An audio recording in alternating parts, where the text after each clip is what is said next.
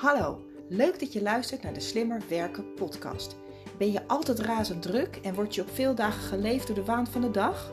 Voel je jezelf hierdoor vaak opgejaagd en gestrest en merk je dat dit ten koste begint te gaan voor je gezondheid en je privéleven? Dat is niet nodig, je kunt er iets aan doen. Mijn naam is Jennifer Boscoljon en met Werk Slimmer Niet Harder is het mijn missie om jou te helpen met het creëren van meer overzicht, controle en balans in je werk en je leven. In deze podcast deel ik slimme tips en inspiratie met jou, zodat ook jij kunt werken en leven met minder stress en meer plezier. En je uiteindelijk meer tijd en energie hebt voor dat waar je echt blij en gelukkig van wordt. Luister je mee? Ik heb er zin in. Hallo lieve luisteraar, wat leuk dat je luistert naar weer een nieuwe aflevering van de Slimmer Werken podcast. Vandaag wil ik het met je hebben over iets wat de basis is van slim werken, time management, persoonlijke effectiviteit, maar ook van veel van onze gezondheid, geluk en succes. Het is een vaardigheid of eigenlijk eerder een bewustwording of een mindset die echt het verschil kan maken tussen tijdgebrek, altijd haast hebben, ontzettend veel te doen hebben en je aan het eind van de dag vervelend voelen of gewoon doen wat er moet gebeuren, de juiste prioriteiten kunnen stellen en vooral ook die dingen doen die echt belangrijk voor je zijn. Dan heb ik over het volgende en het gaat over het focussen op die dingen in je leven, in je werk, in de situaties die zich in je leven voordoen, waar je invloed op hebt en die belangrijk zijn. Wij focussen ons heel vaak op dingen in ons leven, in ons belevingswereld, die tot ons komen, op wat voor manier dan ook. Het kan het nieuws zijn, het kunnen collega's zijn, het kan e-mail zijn, het kan social media zijn. Het kunnen mensen zijn die van allerlei dingen aan ons vertellen. En die dingen komen op ons af. En um, ons brein is nou eenmaal ontzettend geconditioneerd om te reageren op dat wat zich aandient. Uh, het vervelende is dat dat wat zich aandient niet altijd iets is wat A in jouw belang is en B waar je überhaupt maar invloed op kunt uitoefenen. Ik spreek dagelijks, uh, nou ja, natuurlijk sowieso vanuit mijn sociale leven al meerdere mensen, maar ook uh, klanten natuurlijk in coaching en training. En het valt me op dat mensen die het erg druk hebben, um, vaak klagen over het feit dat ze zoveel moeten dat ze heel veel vergaderingen hebben, dat ze veel mails hebben, dat collega's het allemaal niet goed doen of dat ze overal bij moeten zijn. Als ik het doe, niet doe, doet niemand het. Um, en het lastige is dat dat relativeringsvermogen, ja, dat heeft niet iedereen. En um, is wel iets wat je kunt leren. Daar heb ik ook al eerder een aflevering over uh, opgenomen. En volgens mij heet die Rule Number 6. Ik weet even niet een nummer uit mijn hoofd. Maar die gaat dus echt over het leren relativeren. Van hoe erg zijn de dingen nou echt. Want in de meeste gevallen, in de meeste vakgebieden of voor de meeste professionals, in de meeste werksituaties, maar ook in heel veel privésituaties, dan gaat letterlijk en figuurlijk niemand dood. Uh, uiteindelijk uh, ja, ben je zo druk als dat je jezelf maakt natuurlijk. Heel veel stress vindt zich plaats in ons hoofd. Het is heel veel fictieve stress. Het is stress van het uh, denken van, oh had ik dat maar gedaan of wat zullen ze daarvan denken of waarom heb ik dit niet gedaan en stel je voor dat dat fout gaat. En stress wordt veroorzaakt door een gevoel van gebrek aan controle op een situatie. Het zorgt natuurlijk voor de bekende hormonen, waar, waar de adrenaline, de cortisol, uh, die zorgt dat we gaan vechten en vluchten. Het zorgt ook dat we kokervisie creëren, want ja, ons ja, we moeten, ons, we moeten ons zelf natuurlijk beschermen. We moeten een probleem oplossen. Dus dan is het niet zo handig als je op dat moment ook nog even een appje uh, kijkt. Of eventjes nog klets met de buurvrouw. Nee, je, je moet rennen voor je leven. Dus die kokervisie is natuurlijk ontzettend nuttig en handig. Alleen op het moment dat jij kokervisie hebt, omdat jij stress ervaart. En dat is dus heel vaak fictieve stress. Hè? Want we worden echt niet meer dagelijks aangereden of uh, misschien wel aangevallen door een rivaliserende stam. Of, uh, of er is 9 van de 10 gevallen, op het moment dat wij stress ervaren, is er helemaal geen fysieke stress. Er is alleen maar stress tussen onze oren. En dat gevoel van gebrek aan controle, dat is dus hetgene wat ervoor zorgt dat jij stress ervaart. En stress put ons ook echt uit. Want op het moment dat jij ja, eigenlijk in een totale overlevingsstand staat, dan, uh, nou ja, dan, dan, gebeurt er natuurlijk ontzettend veel in je lichaam en dan kun je ook niet ontspannen. En dan sta je continu onder hoogspanning. En als je dan bedenkt dat heel veel van de stress, of eigenlijk de, de, de informatie waar wij stress van ervaren, bijvoorbeeld van het nieuws komen of de social media, vaak heel veel dingen zijn die heel ver van ons bed uh, zijn. Zo kreeg ik uh, een dag of twee, drie geleden, hoorde ik tussen neus en lippen door op het nieuws dat er in verband met corona wel 500.000 mensen zijn overleden in Brazilië, geloof ik. Nou, dat komt toch binnen. Terwijl ik denk, ja, ik woon in Nederland. Het is vervelend, hè? ik bagatelliseer het totaal niet hoe erg dat is. Maar ik denk, ja, ik woon in Nederland. Wat heb ik er op dit moment aan om deze informatie tot mij te krijgen? En het geeft me toch stress. Dus uiteindelijk uh, ja, kun je daar best wel iets aan veranderen. Je kunt daar met je mindset toch wel een positief effect op hebben. En nou, een van de dingen die ik volgens mij al in eerdere podcasten heb geadviseerd, is zorg dat je in ieder geval niet te veel nieuws. Ik zal niet zeggen dat je helemaal geen nieuws meer moet kijken, maar over het algemeen, als jij in nieuws hebt gekeken, dan voel je je daarna vaak niet echt opgewekt of echt vrolijk. Dus uh, als je het gevoel hebt, in mijn geval, ik heb dat er, daar dus ook best een beetje last van, dat het mij, uh, nou ja, toch wel enigszins, ja, en ja, het, het, het, kan, het doet toch iets met mij. En ondanks dat ik heus wel me kan relativeren en zeggen van ja, het gaat niet allemaal over mij. Maar al die ellende die op ons afkomt, ja, daar kun je ook in je informatie, uh, de manier waarop je het informatie tot je krijgt, ook wel, uh, nou ja, ook wel kritisch naar kijken. En in ieder geval ervoor zorgen dat je niet te veel van dat soort informatie tot je krijgt. Want je ziet, ik zeg het al, het zorgt gewoon voor stress.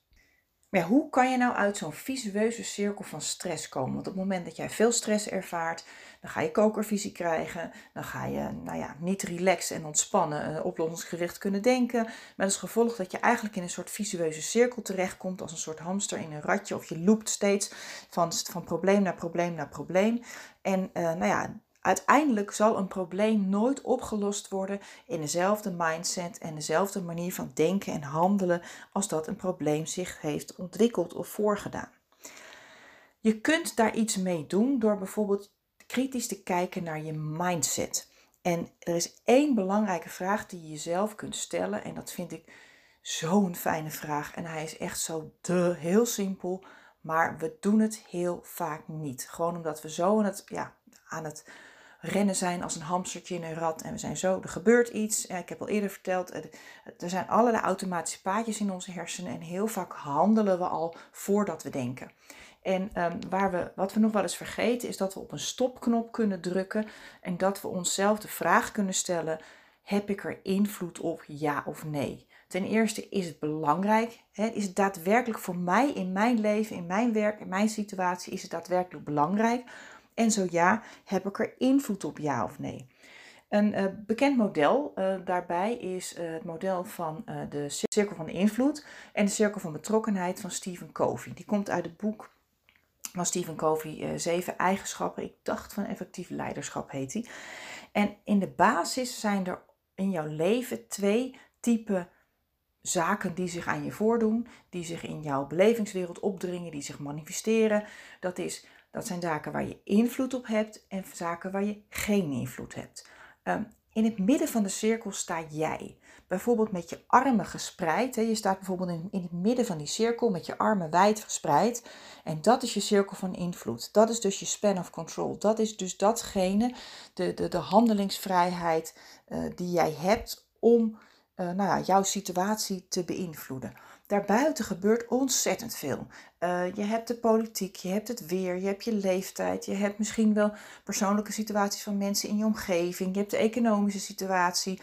Dat zijn allemaal dingen die gebeuren waar jij bij betrokken bent, dus die invloed op jou hebben. Die vallen binnen jouw cirkel van betrokkenheid. Alleen waar wij als mens de neiging toe hebben, hè, dat is dat reactieve brein, dat is de automatische paadjes, dat is onze ja, vecht, vlucht, dat stressmechanisme wij hebben heel erg de neiging om vooral te focussen op die dingen in ons, uh, ja, ons cirkel van betrokkenheid. Hè, dus de dingen die invloed op ons hebben, maar die we niet direct kunnen beïnvloeden. Misschien kun je die oefening eens even doen. Ik uh, doe dat in de training en de coaching ook wel eens. Dan laat ik mensen gewoon staan. En vervolgens laat ik ze met hun armen wijd om zich heen een beetje een rondje draaien. En dan voel je heel goed wat je fysieke spanwijdte is. Wat je fysieke, uh, nou ja, rijkwijde is. Maar vaak mentaal hebben we het gevoel dat onze rijkwijde veel groter is. Bijvoorbeeld, want we zien iets gebeuren En we zien het, maar we kunnen het misschien niet, niet, niet veranderen. En toch vinden we daar dan iets van. En toch gaan we ons daar zorgen om maken. Het geeft ons stress. We gaan er vaak ook heel lang over praten met mensen. Heb je dat gezien wat hij deed en waarom krijgt zij wel, uh, hoeft zij niet in die vergadering te zijn? Dan moet ik het wel. En waarom moet ik dat project weer doen? Of waarom ruimt hij zijn rommel nou nooit op? Of, uh, uh, nou, dat zijn allemaal dingen die we zien gebeuren. Um, waar we dan wat van vinden. Daar gaan we misschien wel over klagen. Klagen is sowieso fijn. Dat vinden wij als mens fijn. Want op het moment dat wij klagen, dan wordt er adrenaline aangemaakt. En adrenaline uh, is een stofje wat eigenlijk ontzettend verslavend is. Dus het is een, uh, ja, we, vinden het gewoon heel fijn. We krijgen een kick, we krijgen extra energie. En dat is ook de reden waarom klagen vaak, je je vaak energiek voelt na klagen. Alleen op de lange termijn levert het je niks op, want je voelt je vaak niet positiever en prettiger nadat je een tijdje hebt zitten klagen. En stel je voor dat jij uh, iets ziet. Je hebt je spanwijdte, je hebt je cirkel van invloed, je hebt die dingen die je echt kunt beïnvloeden, die echt ook jouw verantwoordelijkheid zijn. Uh, en vervolgens willen we vaak onze spanwijdte veel groter maken. Maar wat je nou gaat doen, stel je voor, ik ga een collega helpen, of ik ga me toch ergens tegenaan bemoeien, of ik ga toch iets regelen voor mijn kinderen, terwijl ze er eigenlijk al oud genoeg voor zijn om dat zelf te regelen. Um, zo was er vanmiddag een vriendin van mij, een goede vriendin van mij, die zat hier, uh, die kwam even een kopje thee drinken. En die vertelde dat ze bijvoorbeeld het leesdossier van haar jongste zoon, de avond van tevoren, voordat hij het moest inleveren, uh, helemaal had gemaakt. Want ja, het kon toch niet fout gaan. En ja, dat moest toch gebeuren. Maar die jongen, die had weken de tijd gehad om het leesdossier te maken. En toch kon ze het niet laten om haar cirkel van invloed, om haar spanwijdte te groot te maken. En het is gewoon zo, op het moment dat je aan de ene kant iemand moet helpen, dan zul je dus naar de ene kant moeten hellen en dan zal je arm aan de andere kant iets moeten laten vallen. Want jouw armen zijn nou eenmaal zo lang als ze zijn. Je hebt maar 24 uur in een dag, je hebt maar 8 uur in een werkdag. Uh, en tegelijkertijd, je kunt niet alles oplossen voor iedereen. Dat werkt niet goed, dat is niet goed voor jou, dat is niet goed voor je omgeving. En je helpt de andere partij er ook nog eens een keertje niet mee. Want hij of zij leert niet zijn eigen boontjes doppen, uh, ze leren niet uh, hun eigen problemen oplossen. En vervolgens worden ze ook laks en lui, want ze gaan ervan uit dat jij het wel oplost voor ze. En time management is energiemanagement en aandachtmanagement. En uh, heel veel dingen die onze aandacht krijgen, verdienen dat eigenlijk helemaal niet. Nou, ik heb natuurlijk al het voorbeeld uh, gegeven hè, van het nieuws en het journaal en sommige dingen op social media.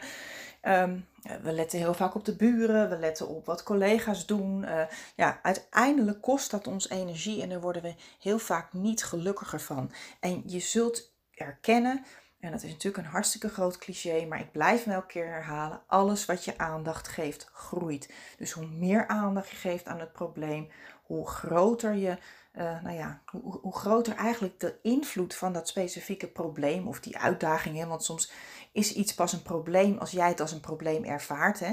Dus uh, nou ja, je, je kunt je wel voorstellen dat als twee mensen in een kamer zitten en er gebeurt iets, de ene persoon denkt, nou, niks aan de hand, en de andere denkt, oh, het is een drama. Dus uiteindelijk is iets pas een probleem als jij het ervaart als een probleem. En als je je focust op die dingen in jouw cirkel van betrokkenheid, die, dus buiten jouw cirkel van invloed vallen, waar jij betrokken bij bent, die dus wel invloed op jou hebben, dan zul je merken dat je geen controle hebt. En dan voel je ook dat je minder controle hebt. En uiteindelijk wordt daar stress door veroorzaakt, maar het maakt ook reactief. Het maakt. Uh, ja, het, het, het, zorgt dat je, dat je denkt en handelt en voelt als een slachtoffer.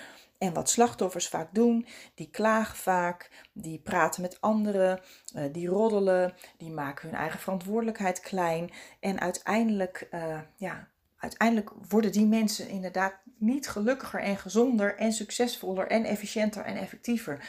Want de kracht of, jouw kracht zit in het nu. Jouw kracht zit in datgene wat jij kunt veranderen. En niet wat andere mensen zouden moeten doen. En niet wat er anders zou moeten zijn in ons leven. Niet wat er anders zou moeten zijn in de wereld.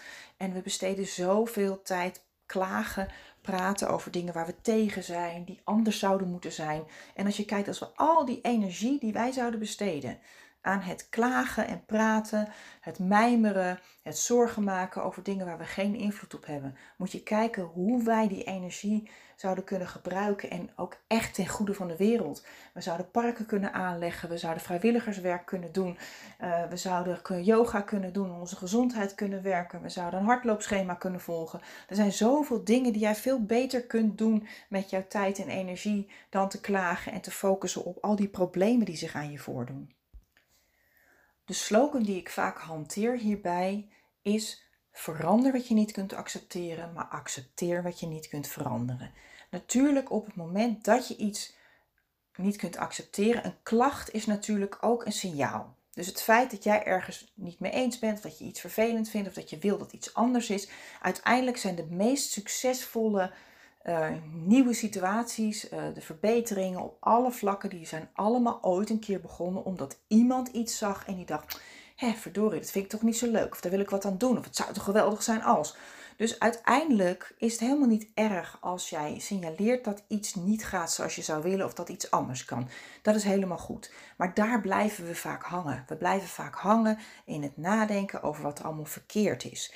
En um, als je dus kijkt of je kunt veranderen wat je niet kunt accepteren, dan kun je in ieder geval binnen jouw cirkel van invloed, hè, want daar is natuurlijk ook nog een ontzettend grote valkuil uh, die, waar ik veel mensen in zie trappen. En natuurlijk, ik doe het ook nog wel eens vrij regelmatig, is dat we um, nou ja, niet alleen veranderen wat we niet kunnen accepteren, maar ook willen veranderen wat eigenlijk buiten onze cirkel van invloed uh, um, valt. Want uiteindelijk Um, jij hebt 100% verantwoordelijkheid over je eigen situatie en je eigen leven. Jij hebt 100% verantwoordelijkheid en iemand anders heeft ook 100% verantwoordelijkheid over zijn of haar eigen leven. Maar we proberen heel vaak bijvoorbeeld 120% verantwoordelijkheid te hebben om dan ook alle mensen om ons heen te servicen en te helpen en alles zo goed te doen, zo goed mogelijk te doen in ieders ogen. Maar dat kan niet, want als je alles voor een ander doet, en dat is niet erg, hè, want we worden ontzettend blij als we dingen voor andere mensen doen. Maar daar zijn wij als mens ook nou ja, best wel geschikt voor. Hè, want op het moment dat ik een ander help, dan, uh, dan worden er mij, mij ook positieve hormonen aangemaakt. Maar uiteindelijk is het niet de bedoeling dat ik mijn verantwoordelijkheid 100% maak of 120% maak. Ook niet dat ik het 80% maak, hè, want dan word je een slachtoffer. Dan ga je denken, ja, maar ik, ga, ik kan het niet doen hoor. Iemand anders, ik, kan, eh, kan, ik moet me helpen. Ik merk in mijn praktijk dat ik uh, in het begin, ik doe dit nu uh, nou ja, bijna 12 jaar, uh, dat werk als trainer, coach op dit vakgebied. En ik merk dat ik in het begin heel erg de neiging had om het probleem van mijn coachklant of de, de trainingsgroep eigen te maken dat ik dan toch uh, ja, harder ging werken, harder ging lopen, dat ik ging proberen om alles te compenseren. En uh, uiteindelijk natuurlijk, het is helemaal niet erg om, uh, om soms meer te doen dan je beloofd hebt, of gewoon echt met volle 100% energie en met enthousiasme iets te doen. Maar het is belangrijk dat je ervoor blijft waken dat je echt jouw 100% verantwoordelijkheid pakt en niet 120. Want je creëert eigenlijk ook nog eens een keer, misschien ongewenst en ongewild, creëer je slachtoffers. Want sommige mensen worden, zijn er, worden er helemaal niet beter van als jij ze altijd maar helpt en uit de brand helpt. Natuurlijk, je kunt meedenken met ze, je kunt tips geven, je kunt ze misschien op weg helpen, maar zij zijn altijd verantwoordelijk voor hun eigen proces. Um, er zijn overigens twee soorten invloed. Je hebt directe invloed en indirecte invloed. En vaak, uh, uh, ja, directe invloed, dat, dat pakken we vaak wel. Tenminste, als je naar deze podcast luistert, dan heb je het waarschijnlijk uh, regelmatig druk. En dan ben je waarschijnlijk iemand met een, een, een doenerig karakter. En je bent waarschijnlijk iemand die dingen oppakt en misschien ook wel zijn verantwoordelijkheid te groot maakt. Maar dingen die jij direct kunt beïnvloeden, die moet je gewoon doen, die moet je managen, die moet je plannen, gewoon regelen. Dan heb je ook indirecte invloed en dat is dus dat wat jij kunt doen om anderen te beïnvloeden. En daar zit ook nog wel eens ja, een addertje onder het gras, omdat we dan toch geneigd zijn om dan uh, ja, misschien wel de verantwoordelijkheid iets te veel over te nemen van anderen. Maar wat je wel kunt doen, en dat natuurlijk, valt altijd binnen jouw verantwoordelijkheid of binnen jouw cirkel van invloed, um, wat je altijd kunt doen, of misschien wel moet doen. Nou ben ik niet zo'n hele grote fan van het woord moeten. Maar wat als jij een situatie ziet waarvan je denkt, dit is niet goed, dit moet veranderd worden, dit zou anders kunnen. Um, als je geen onderdeel bent van de oplossing, dan ben je onderdeel van het instand houden van het probleem. Dus als je iets ziet waar je, nou, waarvan je denkt dat zou anders moeten of het zou fijn zijn als dat anders kan. Hè? Want het hoeft ook niet altijd uit een probleem te komen, maar het kan ook soms gewoon vanuit een, uh, ja, een positieve intentie dat je denkt, oh het zou eigenlijk wel leuk zijn. Ja, het is niet mijn verantwoordelijkheid, maar het zou, het zou best wel leuk zijn als dit of dat op een andere manier gaat. Dan heb je altijd de verantwoordelijkheid of de plicht, dat is misschien een beetje zwaar, maar hè, als je echt uh, uh, er zo over denkt, je zou er zo over kunnen denken dat het wel handig is als je dan in ieder geval de verantwoordelijkheid neemt, of in ieder geval die pakt, hè, over het feit dat je de ander informeert. Dat je de andere partij, of je manager, of je collega's, of wie dan ook erbij betrokken is, in ieder geval informeert over wat je hebt gesignaleerd. Dat betekent niet dat jij verantwoordelijk hoeft te zijn, dat betekent niet dat jij het over hoeft te nemen, maar wel dat je in ieder geval aangeeft wat je signaleert. Want kijk, heel vaak de dingen die jij ziet, die zijn voor jou echt zo van ja, de. Tuurlijk, dat zien ze toch. Nou, geloof me, jij hebt een hele andere bril waarmee je naar de wereld kijkt dan ieder ander. We hebben allemaal een unieke bril. Jij ziet dingen die heel anders zijn dan misschien wel een, een collega die in dezelfde vergadering zit, maar iedereen heeft een eigen kijk en een eigen luisterfilter. Maar iedereen heeft ook zijn eigen ja, kwaliteiten, aanleg, uh, ja, gewoon de manier waarop jij uh, naar de dingen kijkt, is echt uniek voor jou. Dus wij denken vaak dat we, dat we dingen zien die andere mensen ook zien. Maar geloof me, zo werkt het niet. Nou, een heel simpel voorbeeld. Op het moment dat jij iets leuk vindt of een auto bijvoorbeeld mooi vindt, dan zul je die auto overal zien rijden. Op het moment dat jij, uh, nou, ik noem maar wat, iets, zodra jij op zoek bent naar een ander huis, weet je, dan zie je overal andere huizen. Op het moment dat jij zwanger wil, of je natuurlijk altijd overal andere huizen, maar dan zie je dus overal huizen waarvan je denkt, oh dat lijkt me leuk om daar te wonen, oh dat lijkt me wel wat, oh dat is mooi, die hebben een mooi balkon of dat zijn mooie kozijnen. En um, op het moment dat jij bijvoorbeeld zwanger wil worden. Ik heb dat zelf een periode meegemaakt uh, bij mijn eerste. Dat het in eerste instantie de eerste tijd niet lukte. Nou, ik zag overal zwangere buiken. Het leek wel of alles en iedereen uh, ja, zwanger was om me heen. Want dat is eenmaal het filter waarmee je naar de wereld kijkt. Dus wij denken vaak dat wij de wereld zien zoals die is. Maar dat is niet zo. Jij ziet de wereld zoals jij bent. Op basis van jouw normen en waarden, jouw interesses. Uh, nou ja, Jij ziet de dingen gewoon zoals jij bent. Op een mate van, ja, op basis van wat jij interessant vindt en wat jij belangrijk vindt. Dus je kunt niet verwachten dat andere mensen exact hetzelfde signaleren, exact hetzelfde vinden, exact hetzelfde zien. Dus daarom is het helemaal niet zo gek om ook die dingen uh, te communiceren of, te zien, of in ieder geval aan te geven dat dat ze er zijn. Of oh, is je dat opgevallen? Of dat viel mij op? Of uh, uh, ja, zouden we dat niet anders kunnen doen? Ook die dingen waarvan je denkt, ja, dat zien ze nog. Waarom doen ze daar niks aan? Waarom zien ze dat nou niet? Nou, zij hebben een andere bril. En het kan ook soms zijn dat ze daar hun redenen voor hebben. Dat ze zeggen van, nou ja, ik zou het best wel willen veranderen. Maar op dit moment hebben we gewoon andere dingen die we in de organisatie belangrijker vinden. Maar um, jou, binnen jouw cirkel van invloed is het belangrijkste wat jij kunt doen, het meest effectieve wat jij kunt doen, is in ieder geval aangeven wat je signaleert. En dan is het aan hen, zij zijn verantwoordelijk voor hun eigen situatie, dan is het aan hen om te beslissen of ze er wel of niet wat mee doen. Dus verander wat je niet kunt accepteren en accepteer wat je niet kunt veranderen. En stel, je zit in een periode dat je het even heel erg druk hebt, dat je door de bomen het bos niet ziet, dat je het heel moeilijk vindt om hoofd- en bijzaken van elkaar um, uh, te scheiden. Dat je het gevoel hebt dat je alles zelf moet doen. Dat je echt even overwerkt bent of even hè, het overzicht niet hebt. Maak dan in ieder geval een lijst met alle dingen die je op je bord hebt. Of die, waarvan je vindt dat je ze wel of mis waarvan je vindt dat je ze moet of wilt doen. Dus eerst schrijf het uit je hoofd. Hè, want ik heb al eerder een aflevering opgenomen over een werkstructuur die werkt. En in het meest ideale geval gebruik je jouw hoofd vooral om te denken en zo min mogelijk om te onthouden. Dus heb je het gevoel dat je het even niet meer overziet? Voel je je gestrest? Voel je je gespannen?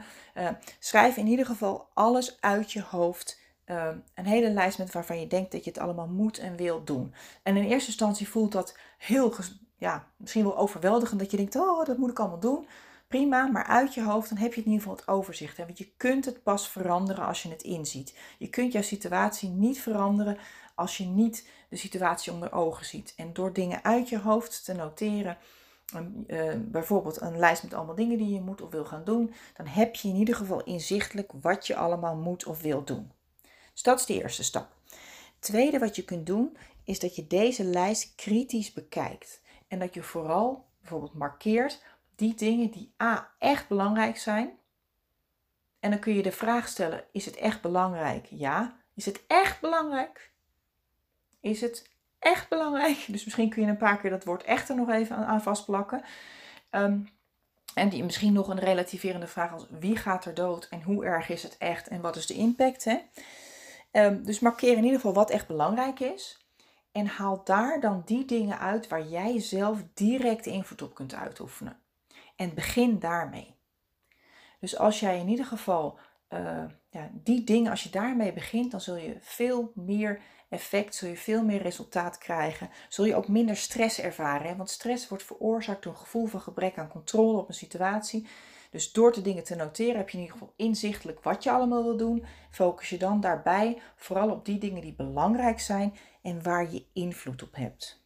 En uh, probeer natuurlijk ook het, verschil te onthouden tussen uh, waar, je zelf invloed, waar je zelf direct invloed op kunt uitoefenen en waar je indirect invloed op kunt uitoefenen. Dus je kunt altijd een aantal van die dingen.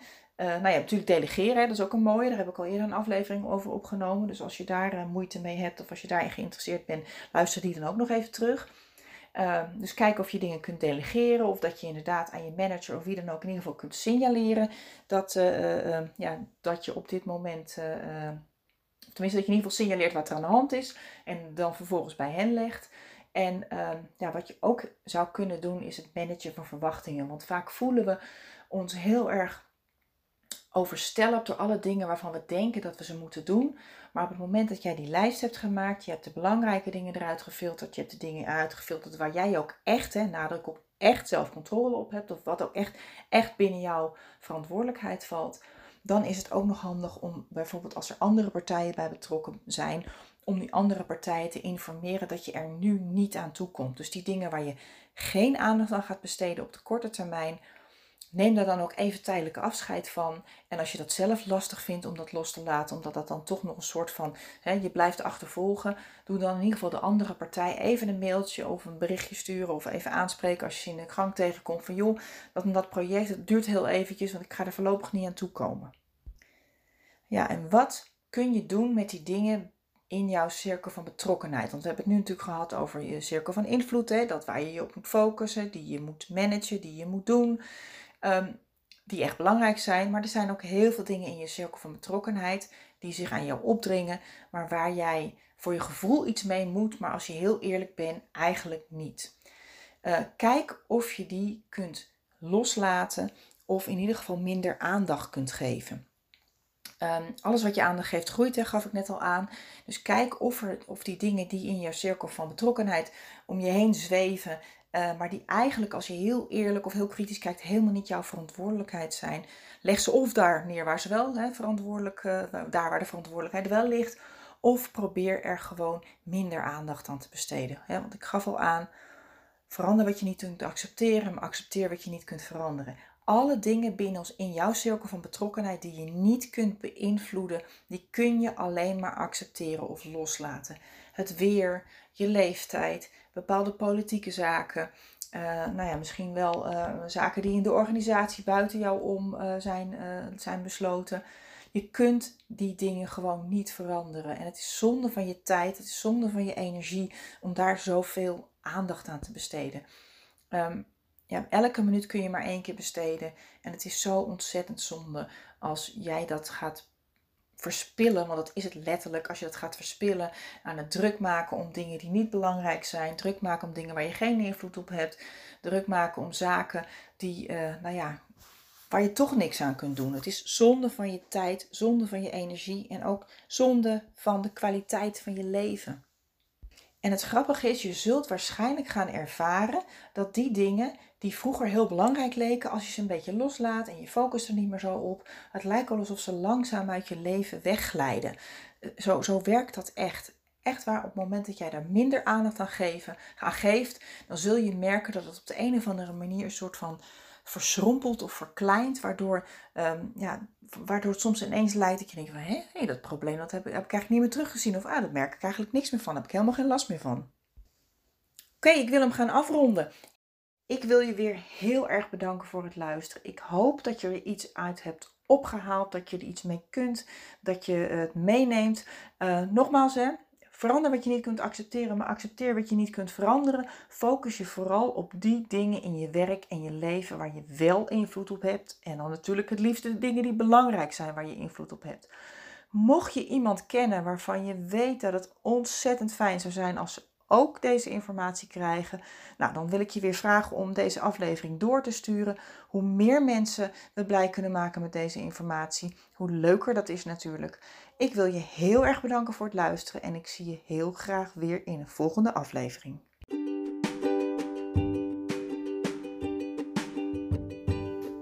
Bedankt dat je hebt geluisterd naar de Slimmer Werken podcast. Ik vertrouw erop dat je ook deze keer weer nieuwe ideeën en inspiratie hebt opgedaan. Met Werk Slimmer Niet Harder wil ik zoveel mogelijk mensen inspireren om slimmer te werken met betere resultaten en meer plezier. Ik nodig je dan ook uit om deze podcast te delen met iedereen die je dit ook gunt. Verder zou ik het heel leuk vinden om van jou te horen wat deze aflevering je heeft opgeleverd en natuurlijk wat je ermee gaat doen. Stuur me een bericht of tag me op social media. En wil je nog meer tips en inspiratie? Kijk dan op wsnh.nl voor artikelen en downloads. Heel veel succes en graag tot de volgende keer.